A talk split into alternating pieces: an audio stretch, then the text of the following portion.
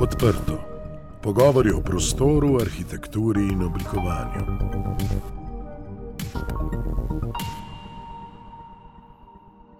Tokratni oddaji podcasta Odprto gostimo Jona Rak Koceli in Andreja Fiderška.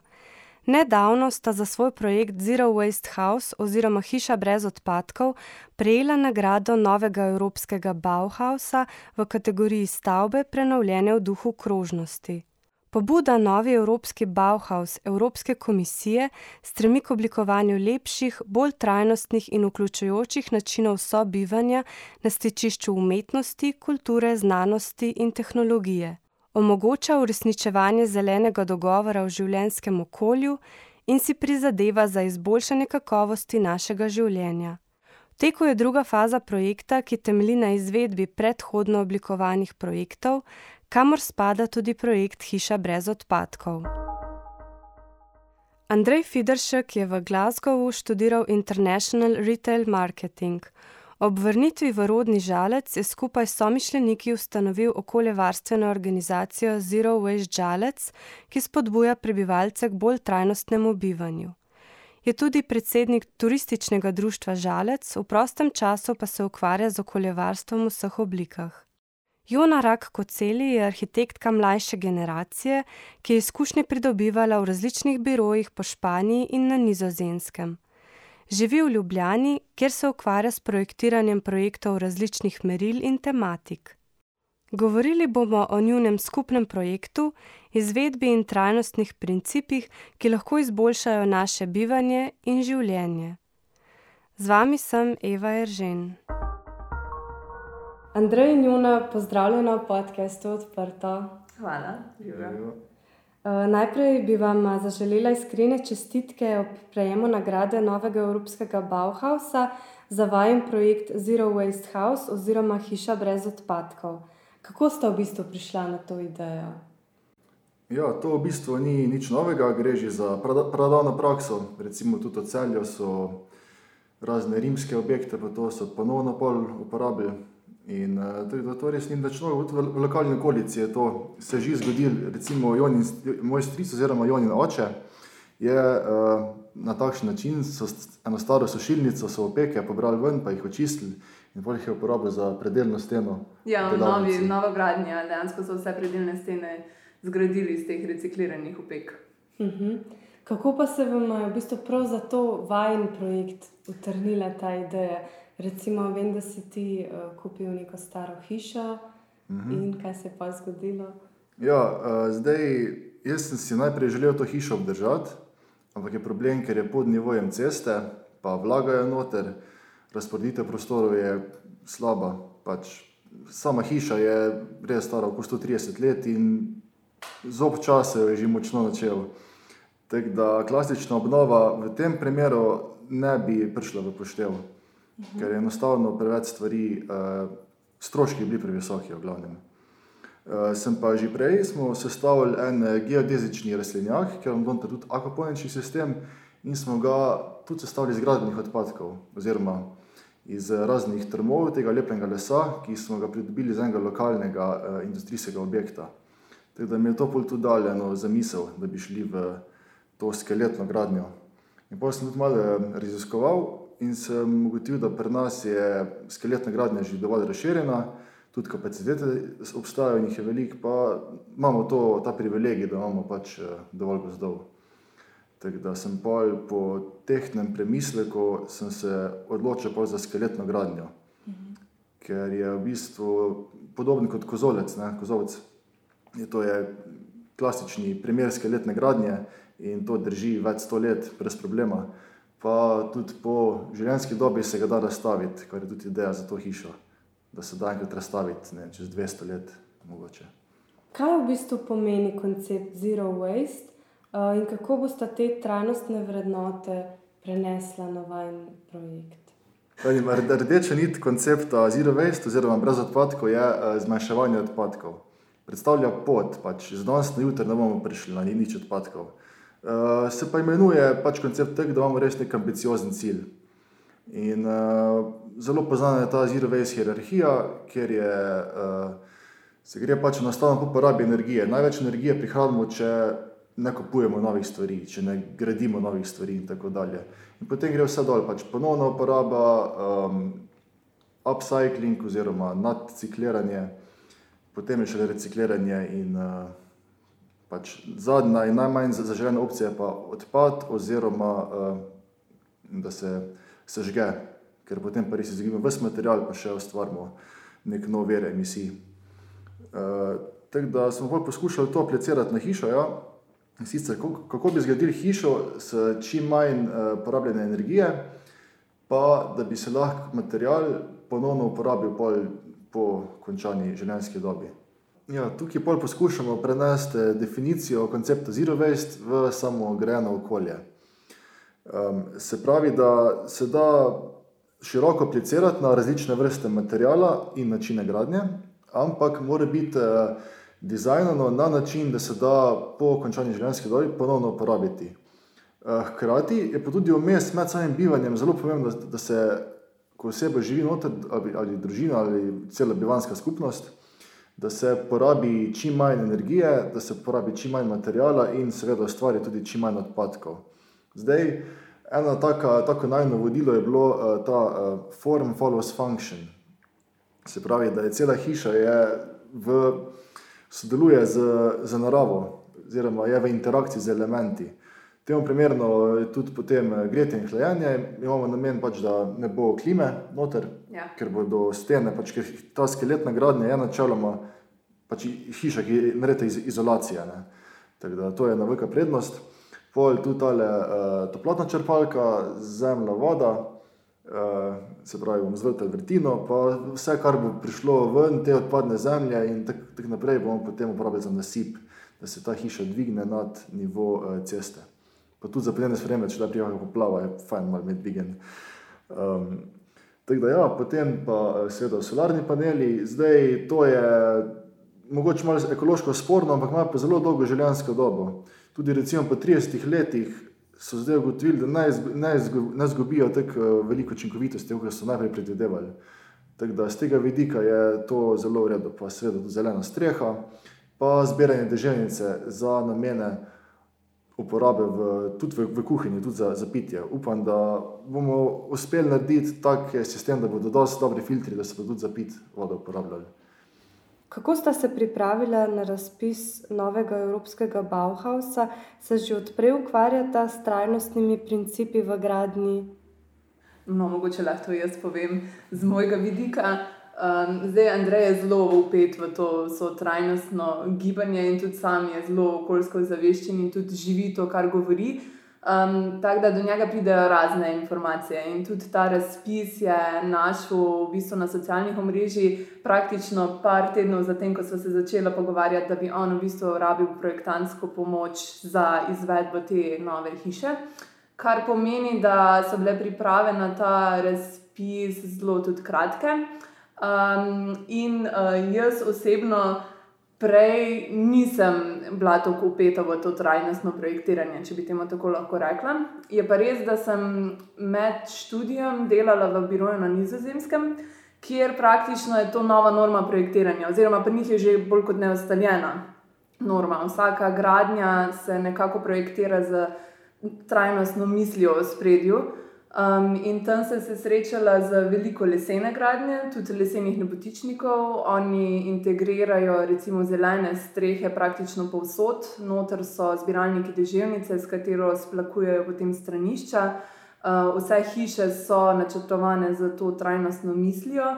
Um, poleg tega, recimo, tudi rušijo ne več. Ne? Recimo, pomislili bi, da če nekega objekta ne potrebujemo več, ga bomo pač zrušili in zgradili nekaj novega. Um, oni pa to potem v bistvu nekako repurposajo, no? se pravi, ponovno uporabijo prostor, če bi temu lahko tako rekli. In sicer, uh, recimo, primer stolpiči, kjer so prej nadzorovali um, mostove čez kanale so zdaj postali odvečni, ko so ti mostovi avtomatizirani. In niso kar enostavno zrušili teh stolpov, ampak so jih spremenili v hotel. In zdaj imajo v bistvu en zelo zanimiv, razpršen hotel po Amsterdamu. Kar, ja, kar je zelo zanimivo in kar mogoče najprej ne bi pomislil, se pa pojavi tudi ena čist gospodarskega ali pa z turizma, ne, z tega vidika ena zelo super priložnost.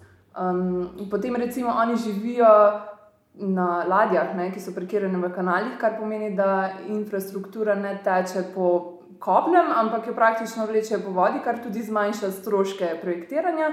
Um, in tudi recimo s to mislijo um, teh podnebnih sprememb, kjer se bo dvigala gladina vode, nisi več ogrožena.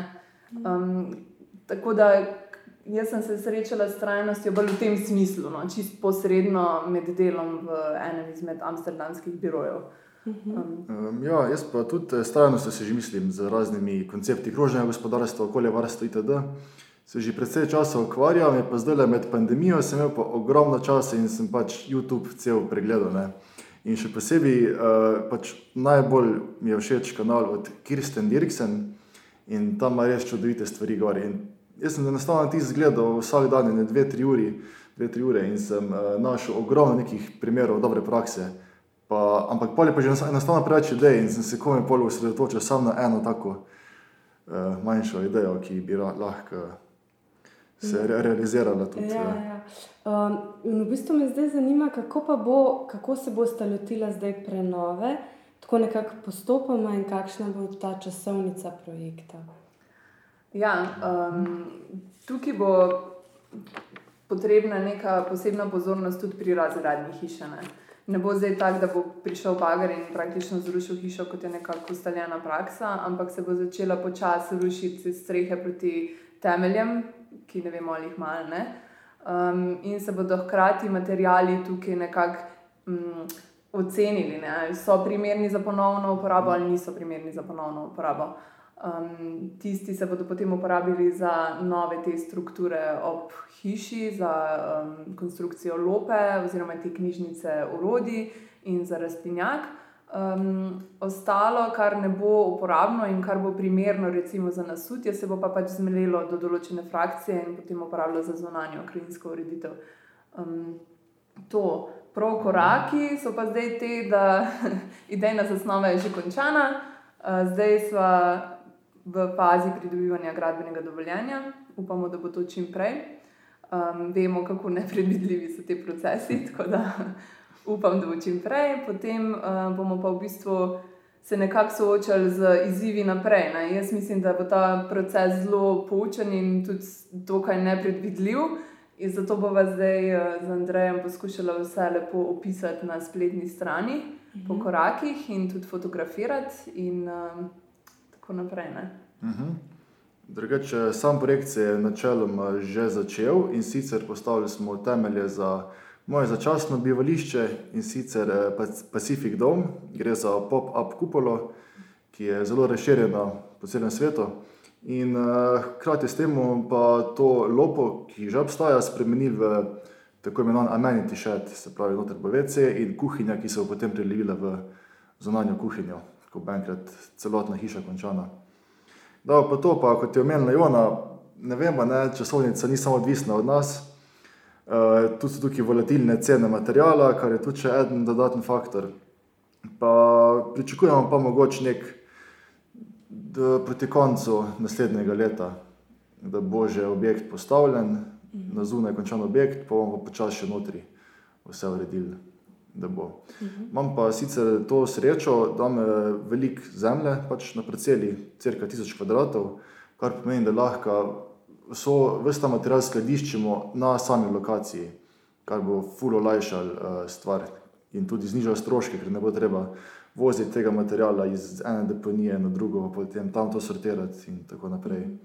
Ker je to specifičen projekt, bo verjetno tudi samimi izvajalci. Potrebno zelo velikega nadzora in pa dogovarjanja, verjetno ne pri samem procesu, ki bo sta vse tako postopoma Tako je. Rušla. Tako je.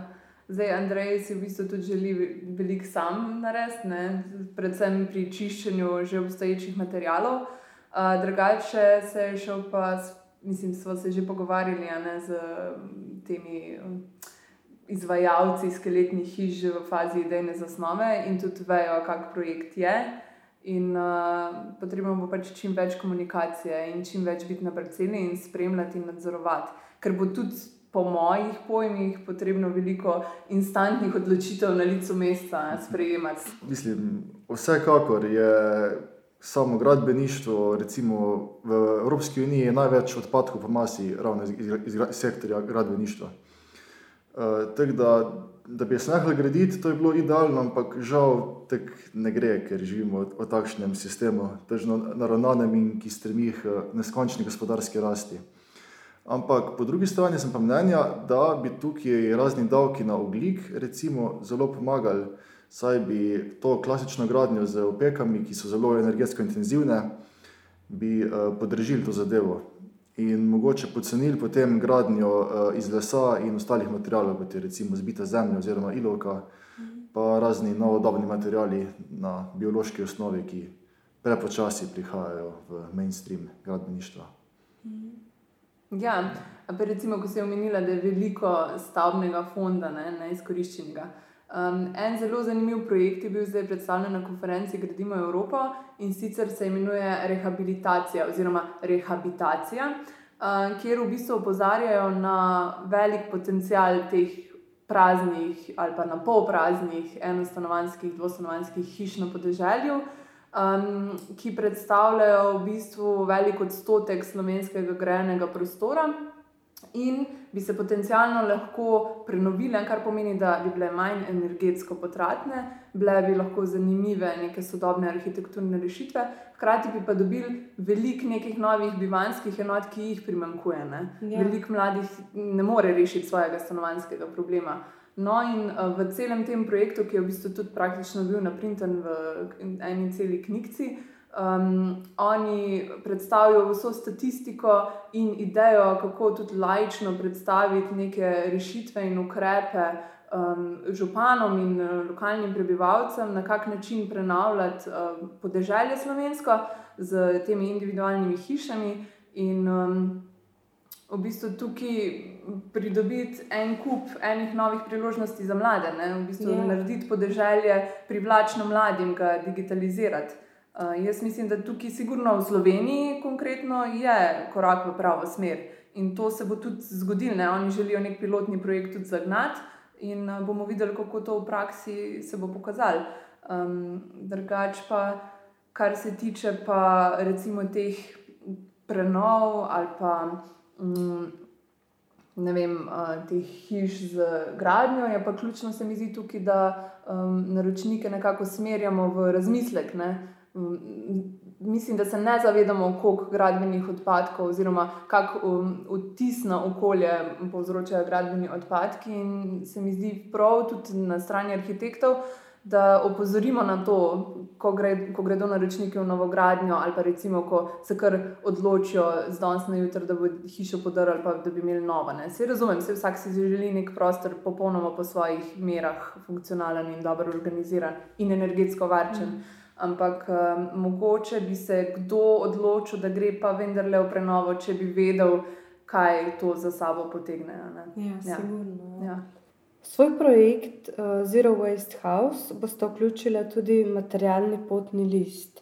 Enostavno se uh, kosovnica vseh materijalov, ki bojo v zraku, vse pretopi v neko digitalno schemo, ki se potem shrani v oblak. Ja. In to je vse. Potem ima pač naročnik in tudi zajalec vsi imajo neko transparentnost, tako da tudi manj pride do verjetno kakšnih zlorab pri materialu, kar je pogosta praksa, tako da gradbeništvo. Ja. Eh, hkrati se pa tudi eh, točno ve, kaj je v hiši, da se da potem ponovno uporabiti. Ker recimo, da gremo zdaj le na staro obajto na razen devat, mi ne vemo, ali je noter pač uh, led, svinec, svinec ja. Ja ali, ali je svinčena barva, ali je azbest noter, ja. ali uh, kakšni materiali so, koliko je uh, bakra, koliko je ja, ja. Uh, pač lesa.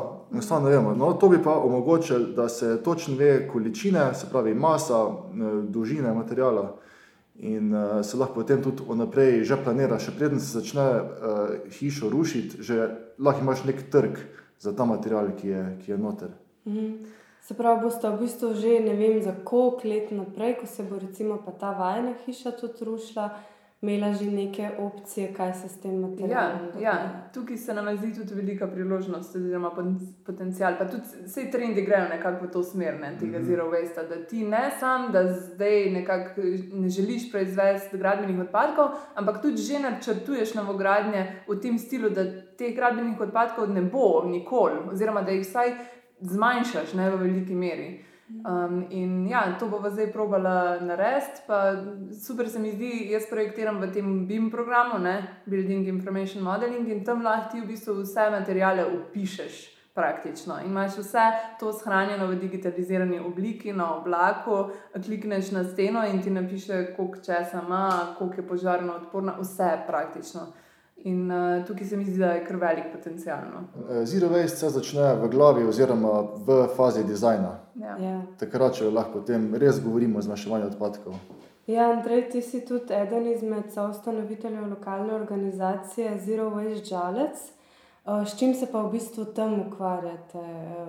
Eh, Rekel si tudi, da imate ogromno enih evropskih projektov, ki jih pa tam izvajate. Mhm. Ja, delujemo že od leta 2018 in sicer eh, takrat sem na mojo pobudo, tri leta sem senator, bil sem boj z njimi na veter. Ampak potem je občina le pristopila eh, s pomočjo ekologov brez meja k temu eh, evropskemu mrežu Zero Waste občin. Kmalu zatem smo z Barbaro Nemec ustanovila to uh, inicijativo Zero Waste Žalec, ker smo vedela, da sami od sebe občinski funkcionarji ne bojo mignali.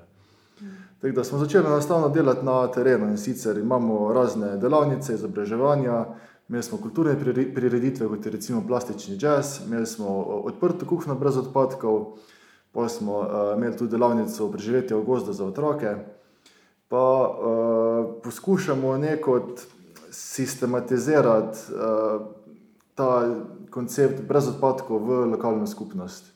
Eden izmed takih podvigov je bil, da smo na spletni strani povezali vsa podjetja, ki se s tem že ukvarjajo, so razna popravila, servisi in tako naprej. Medtem ko smo so- so- sodelovali smo z Univerzo v Vidmo na področju Zero Waste turizma kot nekega pilotnega projekta v Jadranski in Jonski regiji. Potem smo imeli še, še en Erasmus, na temo, ki bo naslednje leto, zaradi pandemije, se en let zamaknil, ampak je na temo eh, odrasti, krožnega gospodarstva, novega zelenega dogovora, socialne ekologije in tako naprej. Uh, jaz sem tudi sodeloval še v Bruslju na certificiranju za Zero Waste trenerje. Pa potem uh, ta New European Bauhaus smo tudi vključili uh, se zraven preko Zero Waste Žalec, ker to je pač namen same hiše, da se pač privatna posest, da se del pretvori v nek commons-based uh, prostor, se pravi, ki je na voljo vsem, kot recimo skupnostni vrt in knjižnica reči. In, uh, Na kakšen način pa to recimo? Ja, skupnostni vrti, vrt imam že, imam že zdaj. Imam ena, ena soseda, ki je v penziji, zelo rada tam pač prideluje zelenjavo, ki že to, to dela deset let in ko sem jaz skupaj to pred eh, tremi leti, enostavno pač ni, ni, ni prav, da gospod, ki tam že trdo dela, daš. Reče, zdaj pa nimaš več dostopa. Ne? In to se je izkazalo za super potezo, ker vedno je en uh, pri hiši, tudi če kam grem, vedno je en tam, uh, skrbi za ta svoj vrt oziroma okolico tudi, uh, ne vem, tam je trto poveže, pa take stvari. Uh, pa še izmenjujeva se skozi, jaz iz svojega vrta dam uh, zelenjavo, ona iz, iz svojega in potem si in zelenjavo in razne pridelke kot čilijo, maka in tako naprej. In to pa skozi eh, deluje. Medtem ko sama knjižnica reči, je pa tudi zelo razširjena zadeva. Mislim, da je v Ljubljani eno, v Kranju, tako naprej v Žalce, pa še ni, pa smo že iskali prostor, ampak je enostavno predrag, ker to pač ni neka profitno orientirana zadeva, tako da je najceneje, da imaš to v bistvu na svojem nekje. In, če, Ja, pa še, če pa še sestavljen iz uh, materijalov, ki smo jih pridobili iz rušenja, pa smo zaokrožili to krožno zgodbo. Super, pa so že kakšni učinki, tako ki jih ti vidiš v lokalni skupnosti, uh, s tem, kar delate v društvu vašem? Ja, vsekakor se več ljudi o tem pogovarja. Mm. Žal še ni to zdaj neki razširjena praksa. Recimo na tržnici smo tudi prisotni, ker imamo izme- izmenjavo um, Zelenjave. zelenjave, ja, pridelkov. Ampak nikoli nisem imel denarja, ne?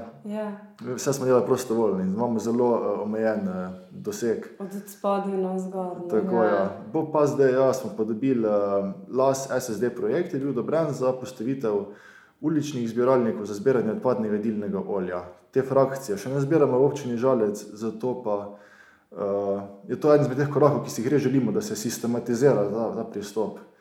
Uh, imamo pa tudi ja, eno trgovino, ki prodaja stvari na Rinfuzo.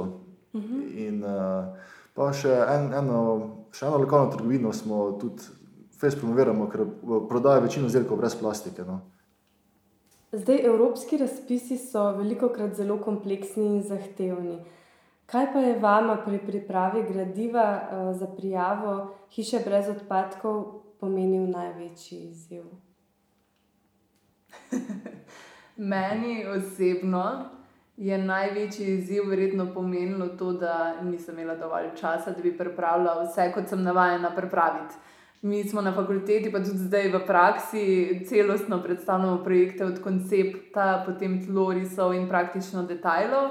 Zdaj, tukaj je prišlo vse tako hitro, da smo imeli čas v bistvu zmodelirati samo neke tri faze projekta in sicer obstoječe stanje, stanje med rušitvijo, oziroma to reciklažo in potem končno stanje. In to je bilo praktično vse, kar je bilo grafičnega priloženo zraven k, k projektu na razpis. Um, Andrej je poskrbel za vse opis koncepta v angleščini, ker je njemu to praktično skoraj materni jezik, glede na to, da je študiral v Glasgowu.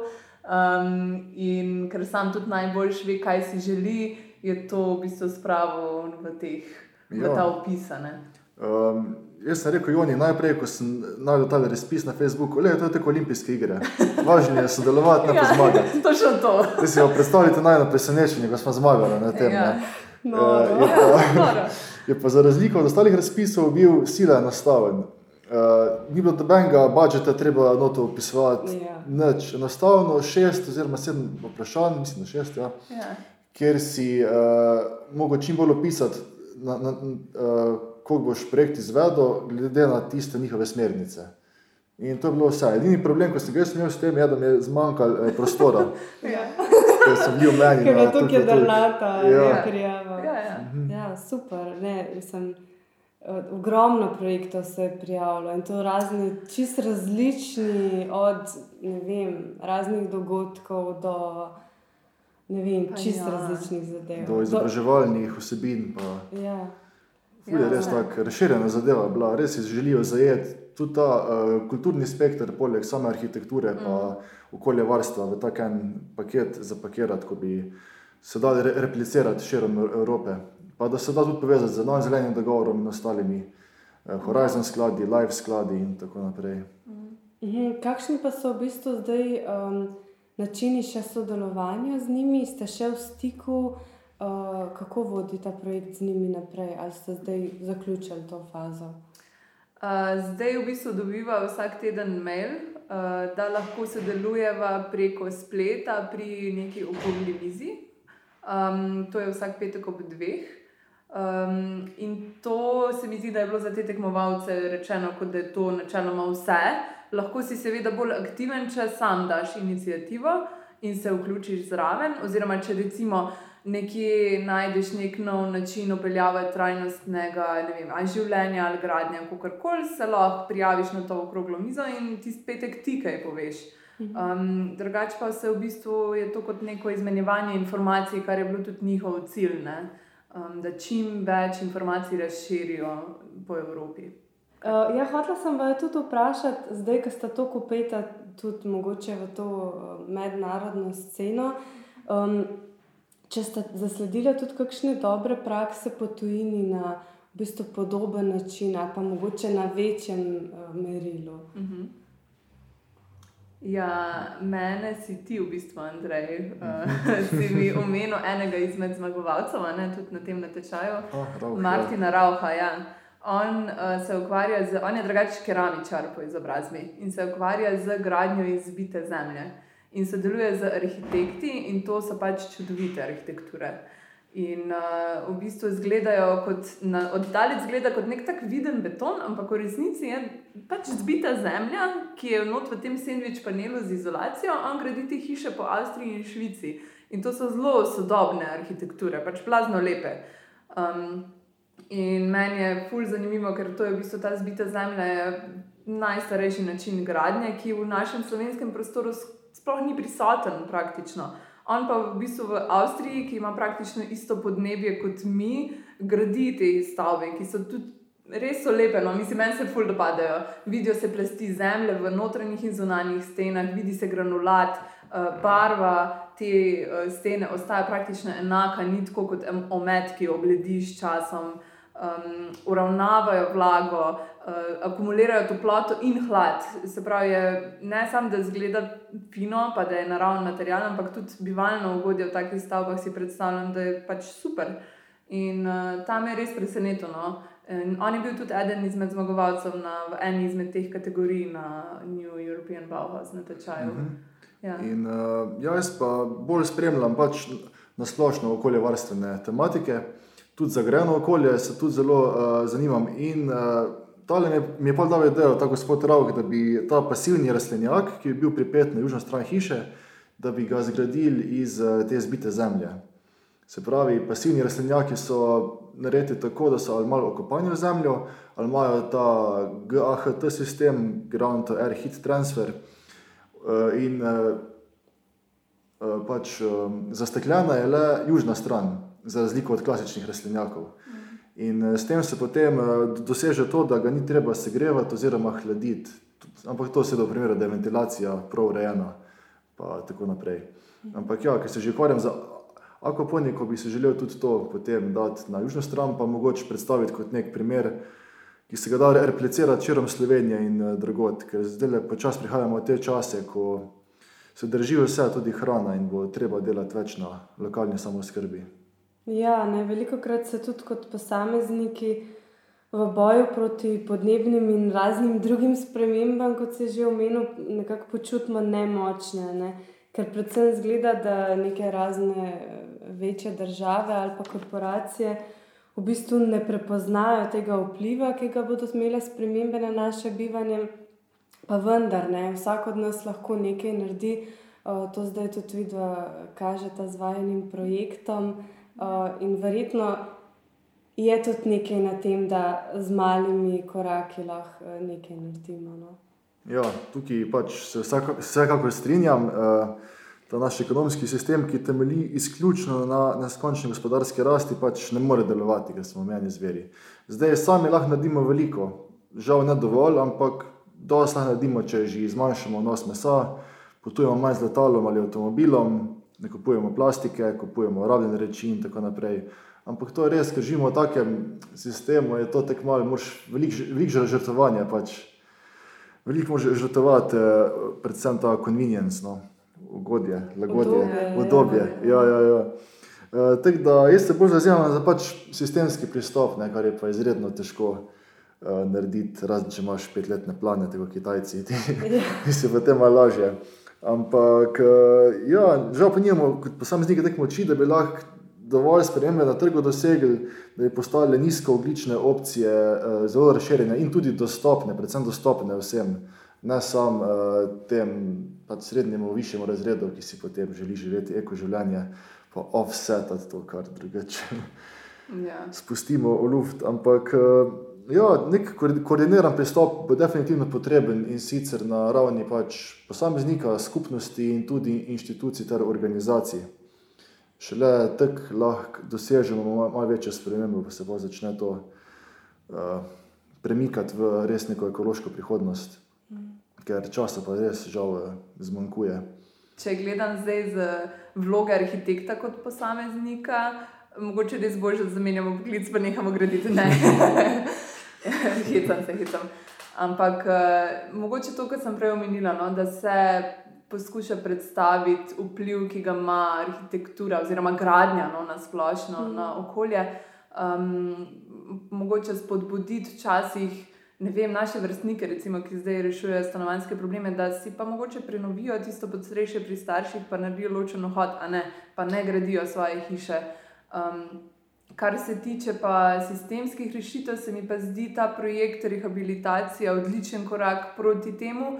Um, upam, da se bodo dejansko na lokalnih ravneh, na občinskih ravneh spremembe dogajale v tej smeri.